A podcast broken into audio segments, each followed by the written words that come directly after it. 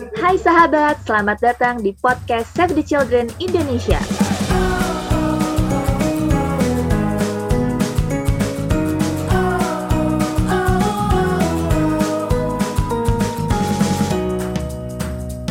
Podcast ini direkam melalui sambungan telepon untuk mendukung upaya pemerintah dalam melakukan physical distancing.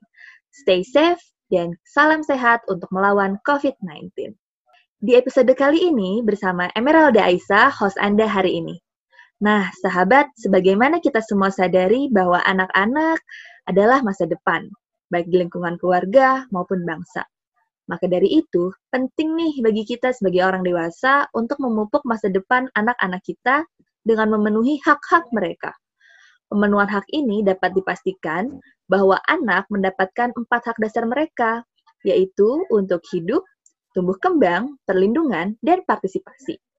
Hari ini, sahabat, secara spesial, kita akan membahas mengenai bagaimana anak-anak diberikan hak untuk berpartisipasi. Di Indonesia, kita bersyukur, sahabat, sudah ada wadah untuk anak-anak berekspresi dan mewujudkan partisipasinya, yaitu dengan tergabung dengan forum anak.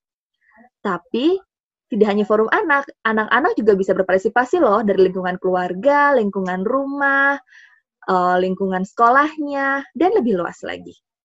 Nah, kita akan kenalan nih dengan narasumber kita yang kebetulan nih dua-duanya itu duduk di kelas 3 SMP.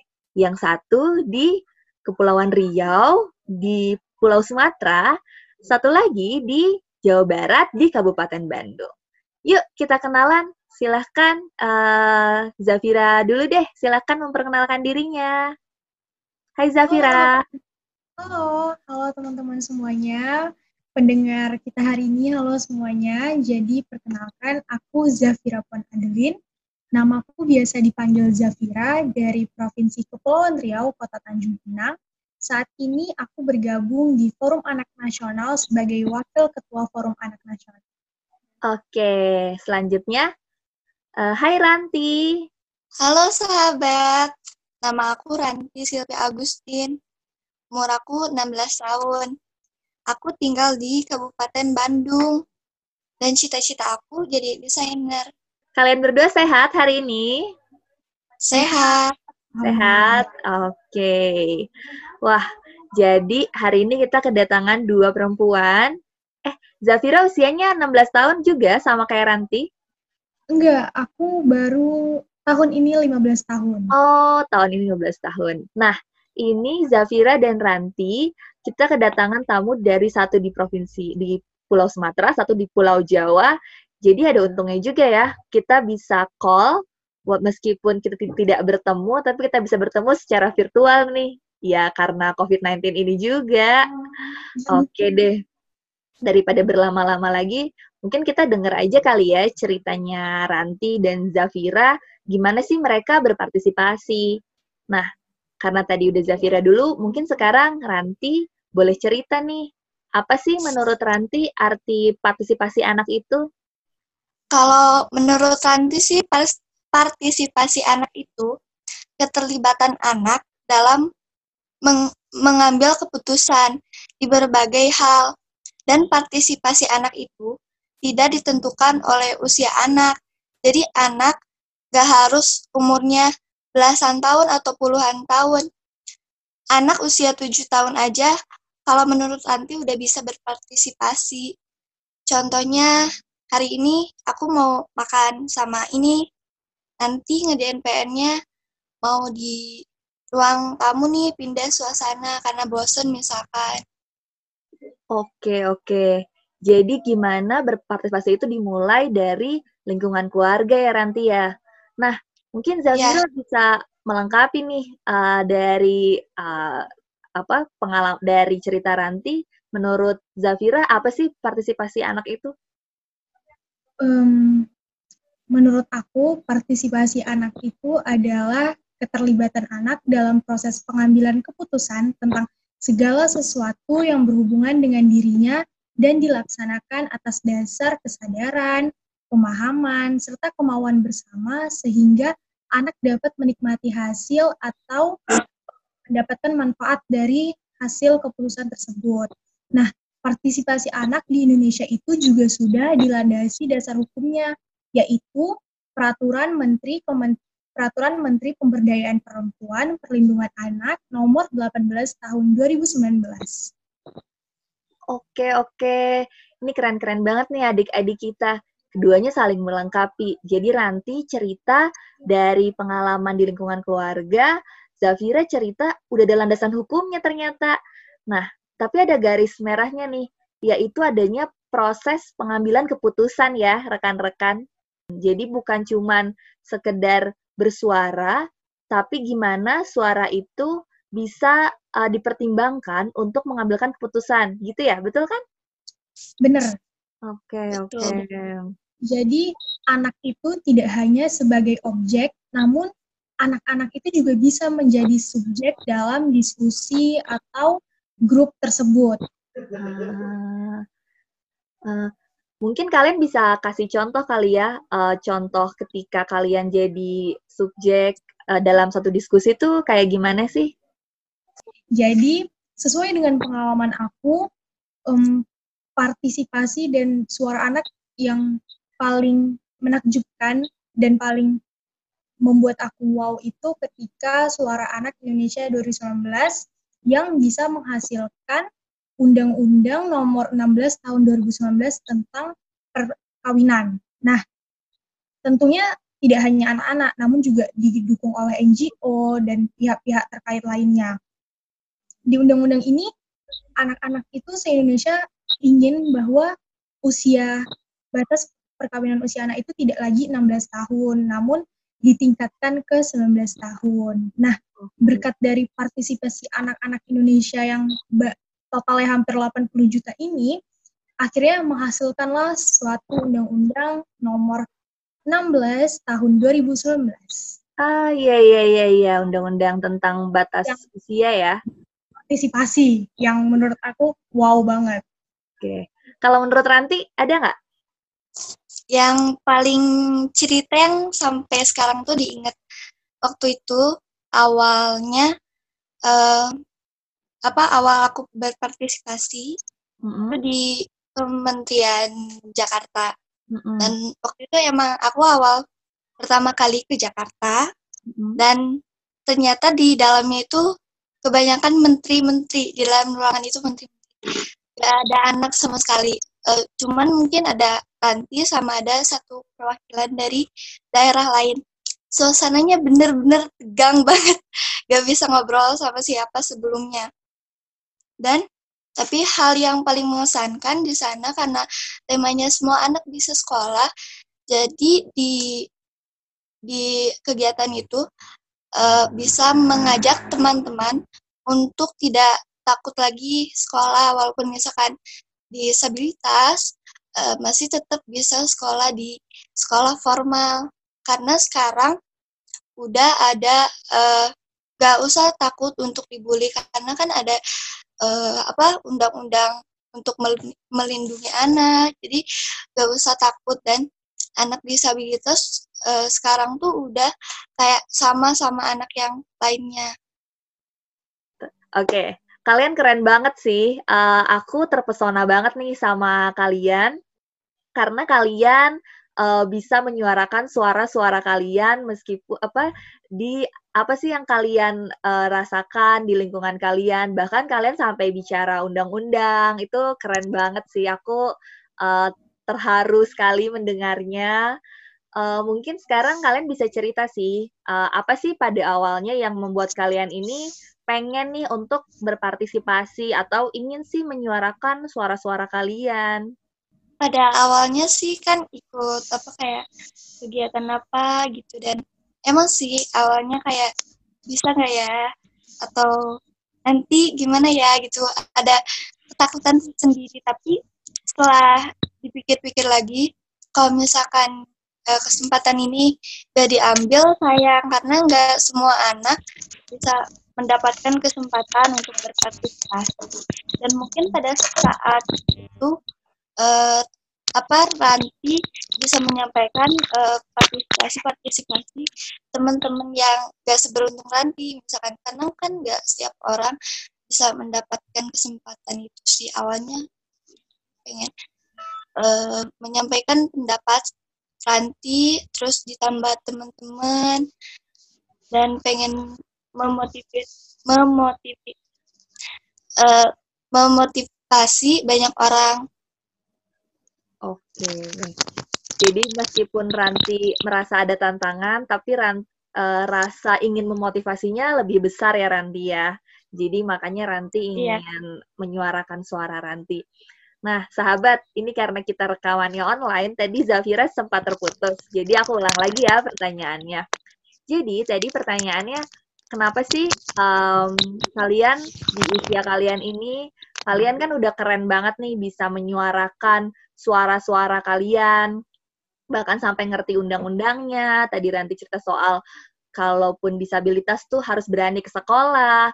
Zafira bicara soal batas pernikahan, uh, gimana anak-anak tuh tidak boleh menikah gitu ketika masih di usia anak. Nah, pertanyaanku sebenarnya apa sih yang membuat kalian ingin menyuarakan nih suara-suara itu? Nah, jadi sejak aku kecil itu hobiku adalah berbicara di depan umum. Nah, seiring bertambahnya usia, akhirnya aku sadar bagaimana jika kemampuan aku ini tuh dimanfaatkan untuk menyampaikan suara orang banyak. Akhirnya, ketika di tahun 2017, aku bertemulah dengan forum yang namanya Forum Anak. Ternyata di organisasi ini nggak cuma hadir rapat dan hadir pelatihan, tapi aku juga belajar bagaimana caranya membangun relasi, lalu bagaimana cara berbicara di depan orang banyak, di depan pejabat. Dari sini aku sadar bahwa wah ternyata menyampaikan suara orang itu gak gampang ya, ada beban moral dan tanggung jawabnya sendiri. Namun karena ini aku jadi belajar dan merasa tertantang untuk kayaknya aku harus bisa deh. Aku bisa untuk menyampaikan suara-suara keinginan pendapat anak-anak di luar sana. Aku harus bisa karena kalau bukan aku, siapa lagi? Memang masih banyak orang lain, tapi ketika semua orang merasa malu dan aku merasa wah kalau semuanya malu berarti aku harus pede dan dari situlah aku mulai belajar untuk menyuarakan menyuarakan pendapatku dan pendapat teman-teman. Oke. Jadi kata kuncinya dari kalian berdua itu adalah motivasi kalian ya, kesadaran kalian yeah. kalau kalian tuh um, bisa nih gitu untuk menyuarakan uh, suara-suara uh, dari teman-teman kalian gitu suara-suara yang mungkin belum terdengar. Siapa lagi kalau bukan kalian? Faktornya ya uh, bisa dimulai dari keluarga sampai ke level yang lebih tinggi lagi di masyarakat atau di pemerintah. Nah, tadi kan kita juga udah ngomongin sesuatu yang berkesan, udah ngomongin kena apa yang memotivasi kalian. Nah, dalam proses uh, kalian berpartisipasi ini nih, ada nggak sih uh, tantangannya atau yang cukup sulit nih untuk kalian gitu? Mungkin Ranti dulu kali. Yang paling sulit sih biasanya harus di harus membiasakan diri karena kebiasaannya dan sukanya itu emang kerja di belakang layar. Nah, ketika apa menyampaikan pendapat itu kan mau gak mau kita harus berinteraksi, harus berbicara di depan orang. Emang sih sulitnya tuh emang sulit banget tapi emang harus dicoba. Dan emang harus belajar sih tapi kalau misalkan udah kayak sekali nih udah nah lama-lama kan jadi udah berani-berani gitu ada pengalamannya. Itu sih. Keren keren. Kalau Zafira gimana? Selama aku gabung di forum anak aku menemukan dan membaca ada dua tantangan, yaitu tantangan internal dan tantangan eksternal. Nah, tantangan internal dari menurut aku itu sendiri itu adalah dari dalam diri sendiri, yaitu mengalahkan ego dan menjunjung kepentingan bersama. Karena yang namanya anak-anak kan pasti ada pengen menang banyak, pengen ini, pengen semuanya, pengen semuanya itu diambil. Nah, di forum anak ini aku belajar bahwa semuanya itu nggak boleh tentang aku, tapi tentang kita. Nah, dari sinilah tantangan-tantangan tuh muncul, mulai dari ada yang masih egois, lalu ada yang masih berperbaperan. Ibaratnya jika satu kue mau dibagi 100 kan tentu kalau nggak semuanya dapat, ya dapatnya sedikit-sedikit. Nah, diri sini belajar mengalah, belajar mendengarkan orang lain, itu sih tantangan-tantangannya. Dan tantangan dari tantangan ini aku belajar, belajar banyak banget. Kalau forum anak itu berbelajar bagaimana menjadi masyarakat yang baik dan forum anak itu bukan tempatnya untuk cari untung atau cari duit karena banyak banget anak-anak yang menyalahkan hak partisipasinya. Terus dari, menurutku tantangan eksternal eksternalnya itu sendiri kadang suara anak masih dianggap remeh oleh orang-orang dewasa atau bahkan sesama anak sendiri. Nah, ini yang sempat membuat aku tuh sedih dan kecewa. Namun, sedih dan kekecewaan aku ini aku rubah jadi um, motivasi bagaimana caranya aku bisa meyakinkan orang lain dengan pendapat-pendapat yang aku suarakan. Oke. Nah, ini menarik nih sahabat. Menarik banget. Jadi tadi Zafira bilang dia senang uh, berbicara di depan umum. Nah, makanya Zafira ingin menyampaikan suaranya.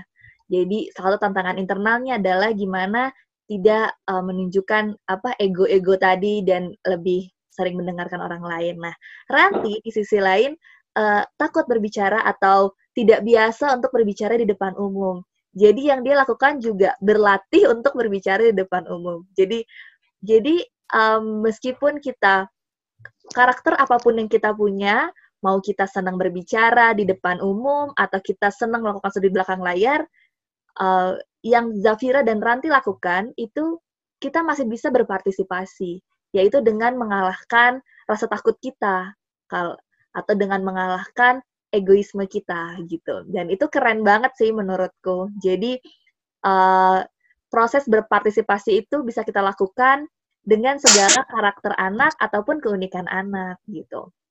Nah, terus tadi yang uh, pandangan orang dewasa ya itu masih menjadi tantangan untuk uh, kita berpartisipasi. Um, ya, memang itu memang menjadi bagaimana kita semua harus menciptakan lingkungan yang nyaman gitu. Tadi juga Ranti cerita ya kalau di keluarga gitu. Kalau misalnya orang tuanya nggak nanya kamu mau makan apa, anaknya nggak akan bilang gitu. Berarti ya anaknya nggak bisa berpartisipasi gitu. Kalau di level yang lebih misalnya di pemerintah gitu, kalau pemerintahnya nggak nanya, uh, gimana sih kamu berpartisipasi di wadah-wadah uh, forum gitu? Ya pemerintah uh, apa pemerintah nggak akan pernah tahu dan anak nggak akan pernah bisa berpartisipasi. Jadi dukungan eksternal itu menjadi sangat penting ya Ranti dan ya. Zafira. Bener banget. Oke okay, oke. Okay. Terus nih, um, kah kalau sekarang nih kan situasinya lagi COVID-19 ya, kita semua itu dianjurkan ada di dalam rumah gitu.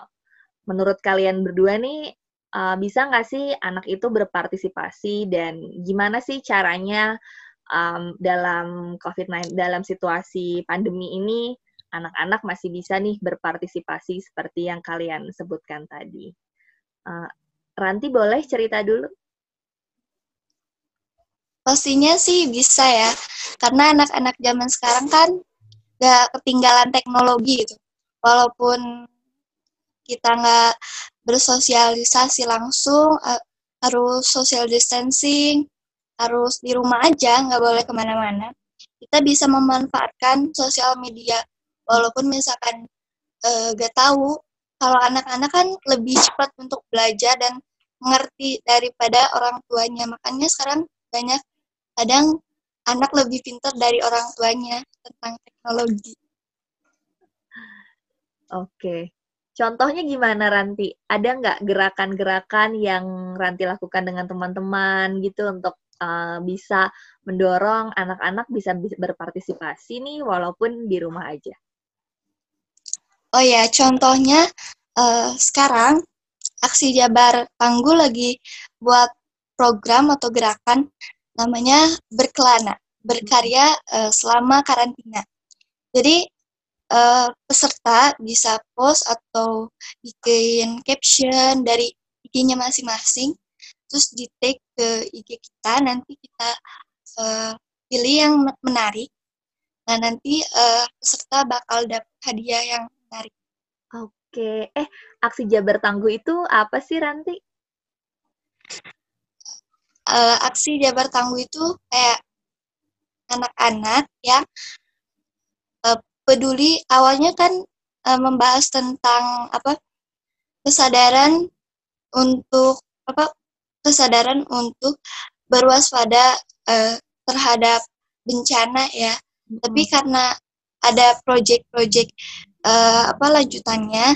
Nah ini salah satu project lanjutannya dari uh, sebelumnya kita pernah apa pernah kayak pelatihan dulu uh, di hotel gitu bersama-sama. Hmm, okay. Menambah kegiatan itu sih peserta karena uh, banyak anak yang mulai mengeluh bosan di rumah kan udah hmm. hampir sebulan kita di rumah kan. Hmm, hmm, hmm jadi apalagi sekarang COVID-19 ini juga seba ditetapkan sebagai bencana ya. Jadi salah satu uh, caranya adalah kita beradaptasi dengan hal itu. Nah, teman-teman bikin uh, gerakan ya untuk um, bisa kita bisa ngelakuin apa sih supaya menghilangkan kebosanan itu. Nah, itu dari Ranti. Mungkin Zafira boleh cerita nih. Zafira kan aktif di nasional ya. Zafira boleh cerita uh, gimana sih dalam situasi COVID-19 ini kita uh, anak-anak bisa berpartisipasi gitu. Iya. Jadi anak-anak apalagi didukung dengan teknologi-teknologi yang canggih bisa banget jawabannya bisa banget berpartisipasi dan banyak banget cara platform media. Nah, salah satunya Forum Anak Nasional juga saat ini membuka surveinya FAN yang tujuannya untuk melihat dan mendeteksi sudah sejauh apa sih fun saat ini dan sudah sampai ke mana forum anak itu ke masyarakat dan dampaknya sudah sebesar apa. Survei ini bisa diakses melalui bionya at forum anak ID, Instagram at forum anak ID.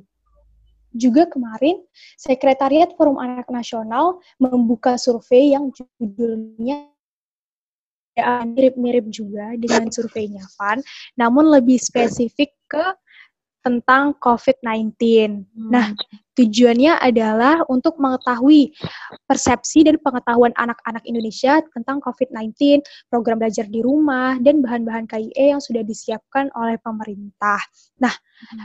hasilnya udah keluar nih, Mbak Aisyah. Yep. Jadi, hasil dari survei AADC ini menyatakan bahwa sudah lumayan banyak anak-anak yang mengetahui apa sih itu COVID-19, bagaimana pencegahannya. Namun, ternyata ada juga anak-anak yang belum tahu apa sih hotline COVID-19 di daerahnya sendiri gitu. Juga nggak cuma forum anak nasional, kayak sekarang kita Forum Anak Nasional lagi collab dengan NGO Save the Children untuk podcast yang tujuannya adalah mengisi hari-hari teman-teman di rumah. Iya, iya, iya. Oke. Tadi uh, Zafira cerita uh, ada survei tentang bagaimana sih forum anak udah diketahui belum oleh masyarakat. Nah, aku dari tadi belum nanya. Ranti udah pernah uh, tahu soal forum anak belum? Uh, udah sih tahu, kurang lebih tahu. Pernah berkegiatan sama forum anak juga, Ranti? Uh, pernah waktu itu aku ikut sekali. Mm-mm. Kayak gimana tuh? Waktu itu nama kegiatannya uh, udah lupa sih ya. Tapi yang aku ingat waktu itu berpartisipasi di rumah uh, dinas uh, ke, uh, apa uh, wali kota gitu. Mm-hmm. Nah kan uh, ada hak anak tuh banyak ya. Waktu itu aku ke bagian uh, tentang sekolah lagi. Nah, waktu itu kita diberikan kesempatan untuk tanya jawab ta tanya jawab langsung di depan orangnya. Di depan. Jadi langsung di depan orangnya langsung dijawab.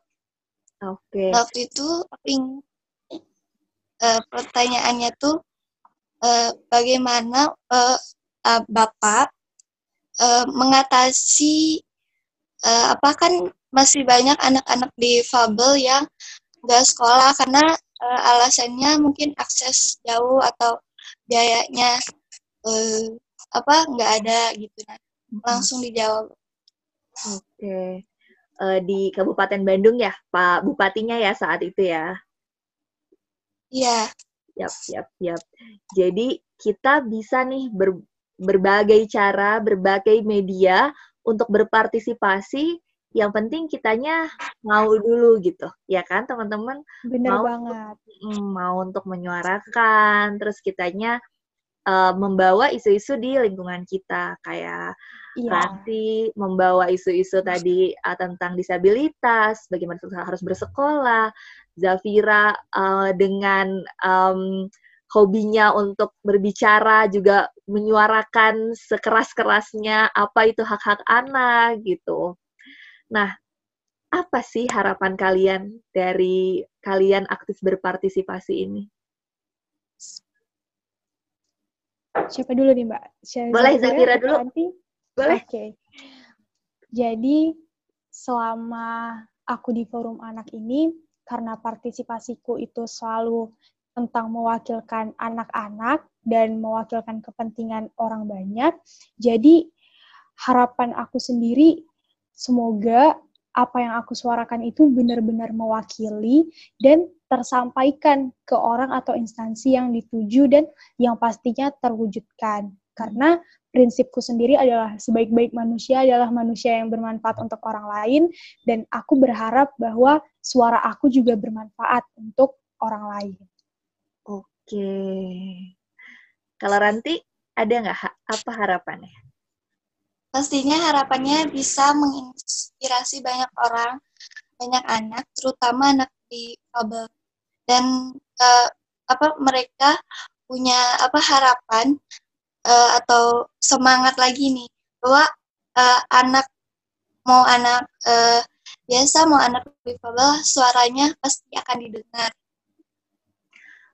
Mantap, mantap.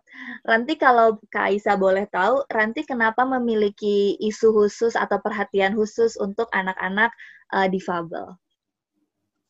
Karena sih uh, mungkin masih banyak anak yang kayak mau anaknya mau orang tuanya kayak bingung nih kalau misalkan anak saya misalkan sudah masuk uh, apa usia mau sekolah sekolahnya ke mana ya nanti uh, di sekolahnya dibully atau enggak ya atau bahkan orang tuanya masih uh, nggak mau menerima anaknya.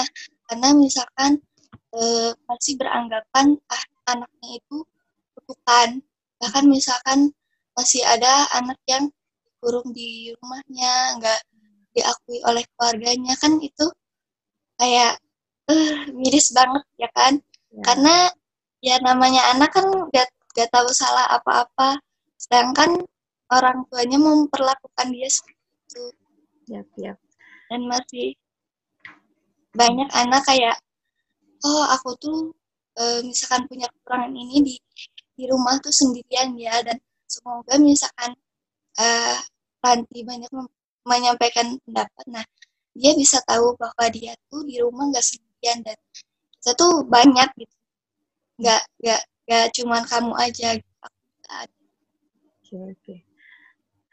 Um, sebelum kita masuk ke pertanyaan terakhir aku jadi pengen ada pertanyaan tambahan nih gara-gara tadi Ranti cerita soal um, bagaimana Ranti menangkap isu-isu di lingkungannya gitu. Ada nggak sih pengalaman pribadi kalian gitu? Pengalaman pribadi yang membuat kalian um, kalau Ranti tadi membuat Ranti ingin bicara gitu soal soal soal uh, anak-anak difabel gitu yang menyentuh perasaan kalian gitu. Zafira ada nggak pengalaman pengalaman Jadi kayak gimana? Jadi aku itu anaknya ramah banget. Waktu kecil suka senyum, suka ngobrol sama orang. Dan karena aku suka bergaul jadi temanku banyak. Dan temanku itu bermacam-macam, sukunya macam-macam, agamanya macam-macam, warna kulitnya macam-macam. Dan dari sini aku sangat-sangat menghargai yang namanya perbedaan. Nah, dan ketika aku gabung ke suatu perkumpulan dan ternyata aku menemukan ada isu intoleransi, di sini aku jadi concern gitu loh. Loh, ternyata nggak semua anak itu paham apa nilai toleransi sebenarnya. Nah, jadi inilah yang membuat aku ingin berpartisipasi, menyuarakan, bergabung, berkumpul bersama tanpa adanya gangguan-gangguan intoleransi ini. Dan akhirnya aku menemukan wadah yang sangat tepat yaitu forum anak di mana semua anak mulai dari uh, yang paling kecil yang usianya 0 sampai 18 tahun pun itu tuh bisa gitu jadi anggota di forum anak dan juga gak ada ter, batasan suku, batasan agama, batasan ras, batasan fisik dan kayak yang Ranti bilang tadi anak disabilitas itu juga gak punya batasan untuk tidak ikut forum anak. Semuanya di forum anak mendapatkan hak yang sama kewajiban yang sama dan semuanya sama setara setara sama. Dari situ aku termotivasi untuk wah bagus nih forum anak dan itu menyemangati aku terus untuk memotivasi dan menginspirasi teman-temanku yang lain. Oke, aku aku terharu banget nih sampai speechless nggak tahu harus ngomong apa sama perkataan kalian gitu. Nanti ada yang mau ditambahin dari pengalaman pribadi selain yang tadi? Uh, uh, mungkin tambahannya, uh, misalkan uh, mungkin ini umum sih kalau misalkan kalian uh, di uh, apa di sekolah atau di tempat umum misalkan kalian dibully nah kalian jangan uh, apa jangan menghindari itu. Dan kalau aku sendiri sih kayak uh, uh, ada yang bully itu udah kayak nggak sakit hati lagi karena awalnya aku udah udah damai dengan diri aku sendiri. Jadi kalau misalkan ada yang bully kayak ya udah emang emang benar misalkan uh, apa yang mereka katakan emang benar misalkan. Tapi uh, uh, ada kelebihan yang uh, Allah kasih ke aku gitu. Dan kalau misalkan kalian apa dibully dan akhirnya kalian pilih tinggal di rumah gak berani untuk keluar rumah itu jawabannya salah besar. Karena misalkan kalau kalian apa pilih tinggal di rumah kan pasti kalian nggak bisa membuktikan bahwa kalian itu emang benar tapi aku bisa melakukan uh, hal lain yang uh, apa kemampuan kelebihan aku gitu. Iya iya iya. Ya. Jadi jangan takut untuk itu. Jangan takut untuk bersuara ya. Wow, nggak kerasa nih kita iya. udah berapa lama ngobrol. Aku sampai terharu sama perkataan-perkataan kalian berdua aku jadi kayak flashback gitu. Kayaknya pas aku seumur kalian gitu aku inget-inget um, apa ya suara yang aku bawa waktu itu gitu. Ada nggak ya? Gitu. Um, sebelum kita tutup uh, podcast hari ini um, uh, teman-teman boleh kasih pesan-pesan untuk orang-orang uh, yang mendengar podcast ini baik itu orang dewasa ataupun anak-anak. Nanti tadi udah sedikit kasih pesan nih untuk anak-anak. Nah, mungkin nanti Ranti bisa tambahin untuk orang dewasanya. Boleh mungkin dari Zafira dulu untuk pesan-pesan untuk uh, para pendengar podcast kita hari ini. Baik, untuk teman-teman, ayah, bunda, kakak-kakak, adik-adik yang semua lagi mendengarkan podcast ini, aku sangat berharap agar suara anak tidak lagi dipandang sebelah mata dan dipertimbangkan sebaik-baiknya seperti suara orang dewasa juga. Nah, untuk anak-anak juga tidak perlu takut untuk bersuara karena akan ada forum anak yang selalu bisa dan siap menampung aspirasi teman-teman semua. Karena forum anak yang aku ikuti sekarang adalah wadah partisipasi buat semua anak tanpa terkecuali.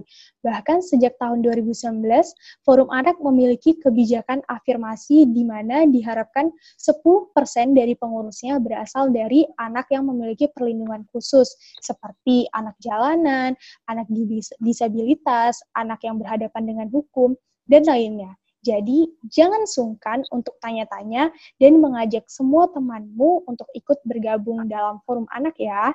Nah, Semoga dengan bergabungnya kita dalam wadah partisipasi ini, tidak hanya forum anak loh, juga banyak wadah partisipasi lain yang kita semua bisa memberikan sumbangan aksi nyata untuk tanah air kita tercinta ini. Wow, keren banget pesan-pesannya. Ranti, boleh menambahkan pesan-pesannya?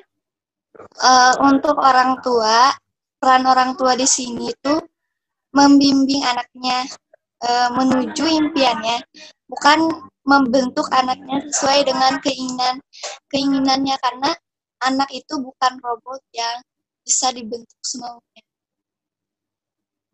Oke. Oke sahabat, itulah pesan-pesan dari Ranti dan Zafira. Hari ini uh, seru banget. Dengan kita mendengarkan suara anak ini, kita akan memberikan kesempatan untuk anak-anak menyampaikan apa yang mereka uh, pendapatnya, apa yang mereka rasakan, apa yang mereka pikirkan. Dan dengan kita mengetahui itu, kita akan melindungi masa depan mereka.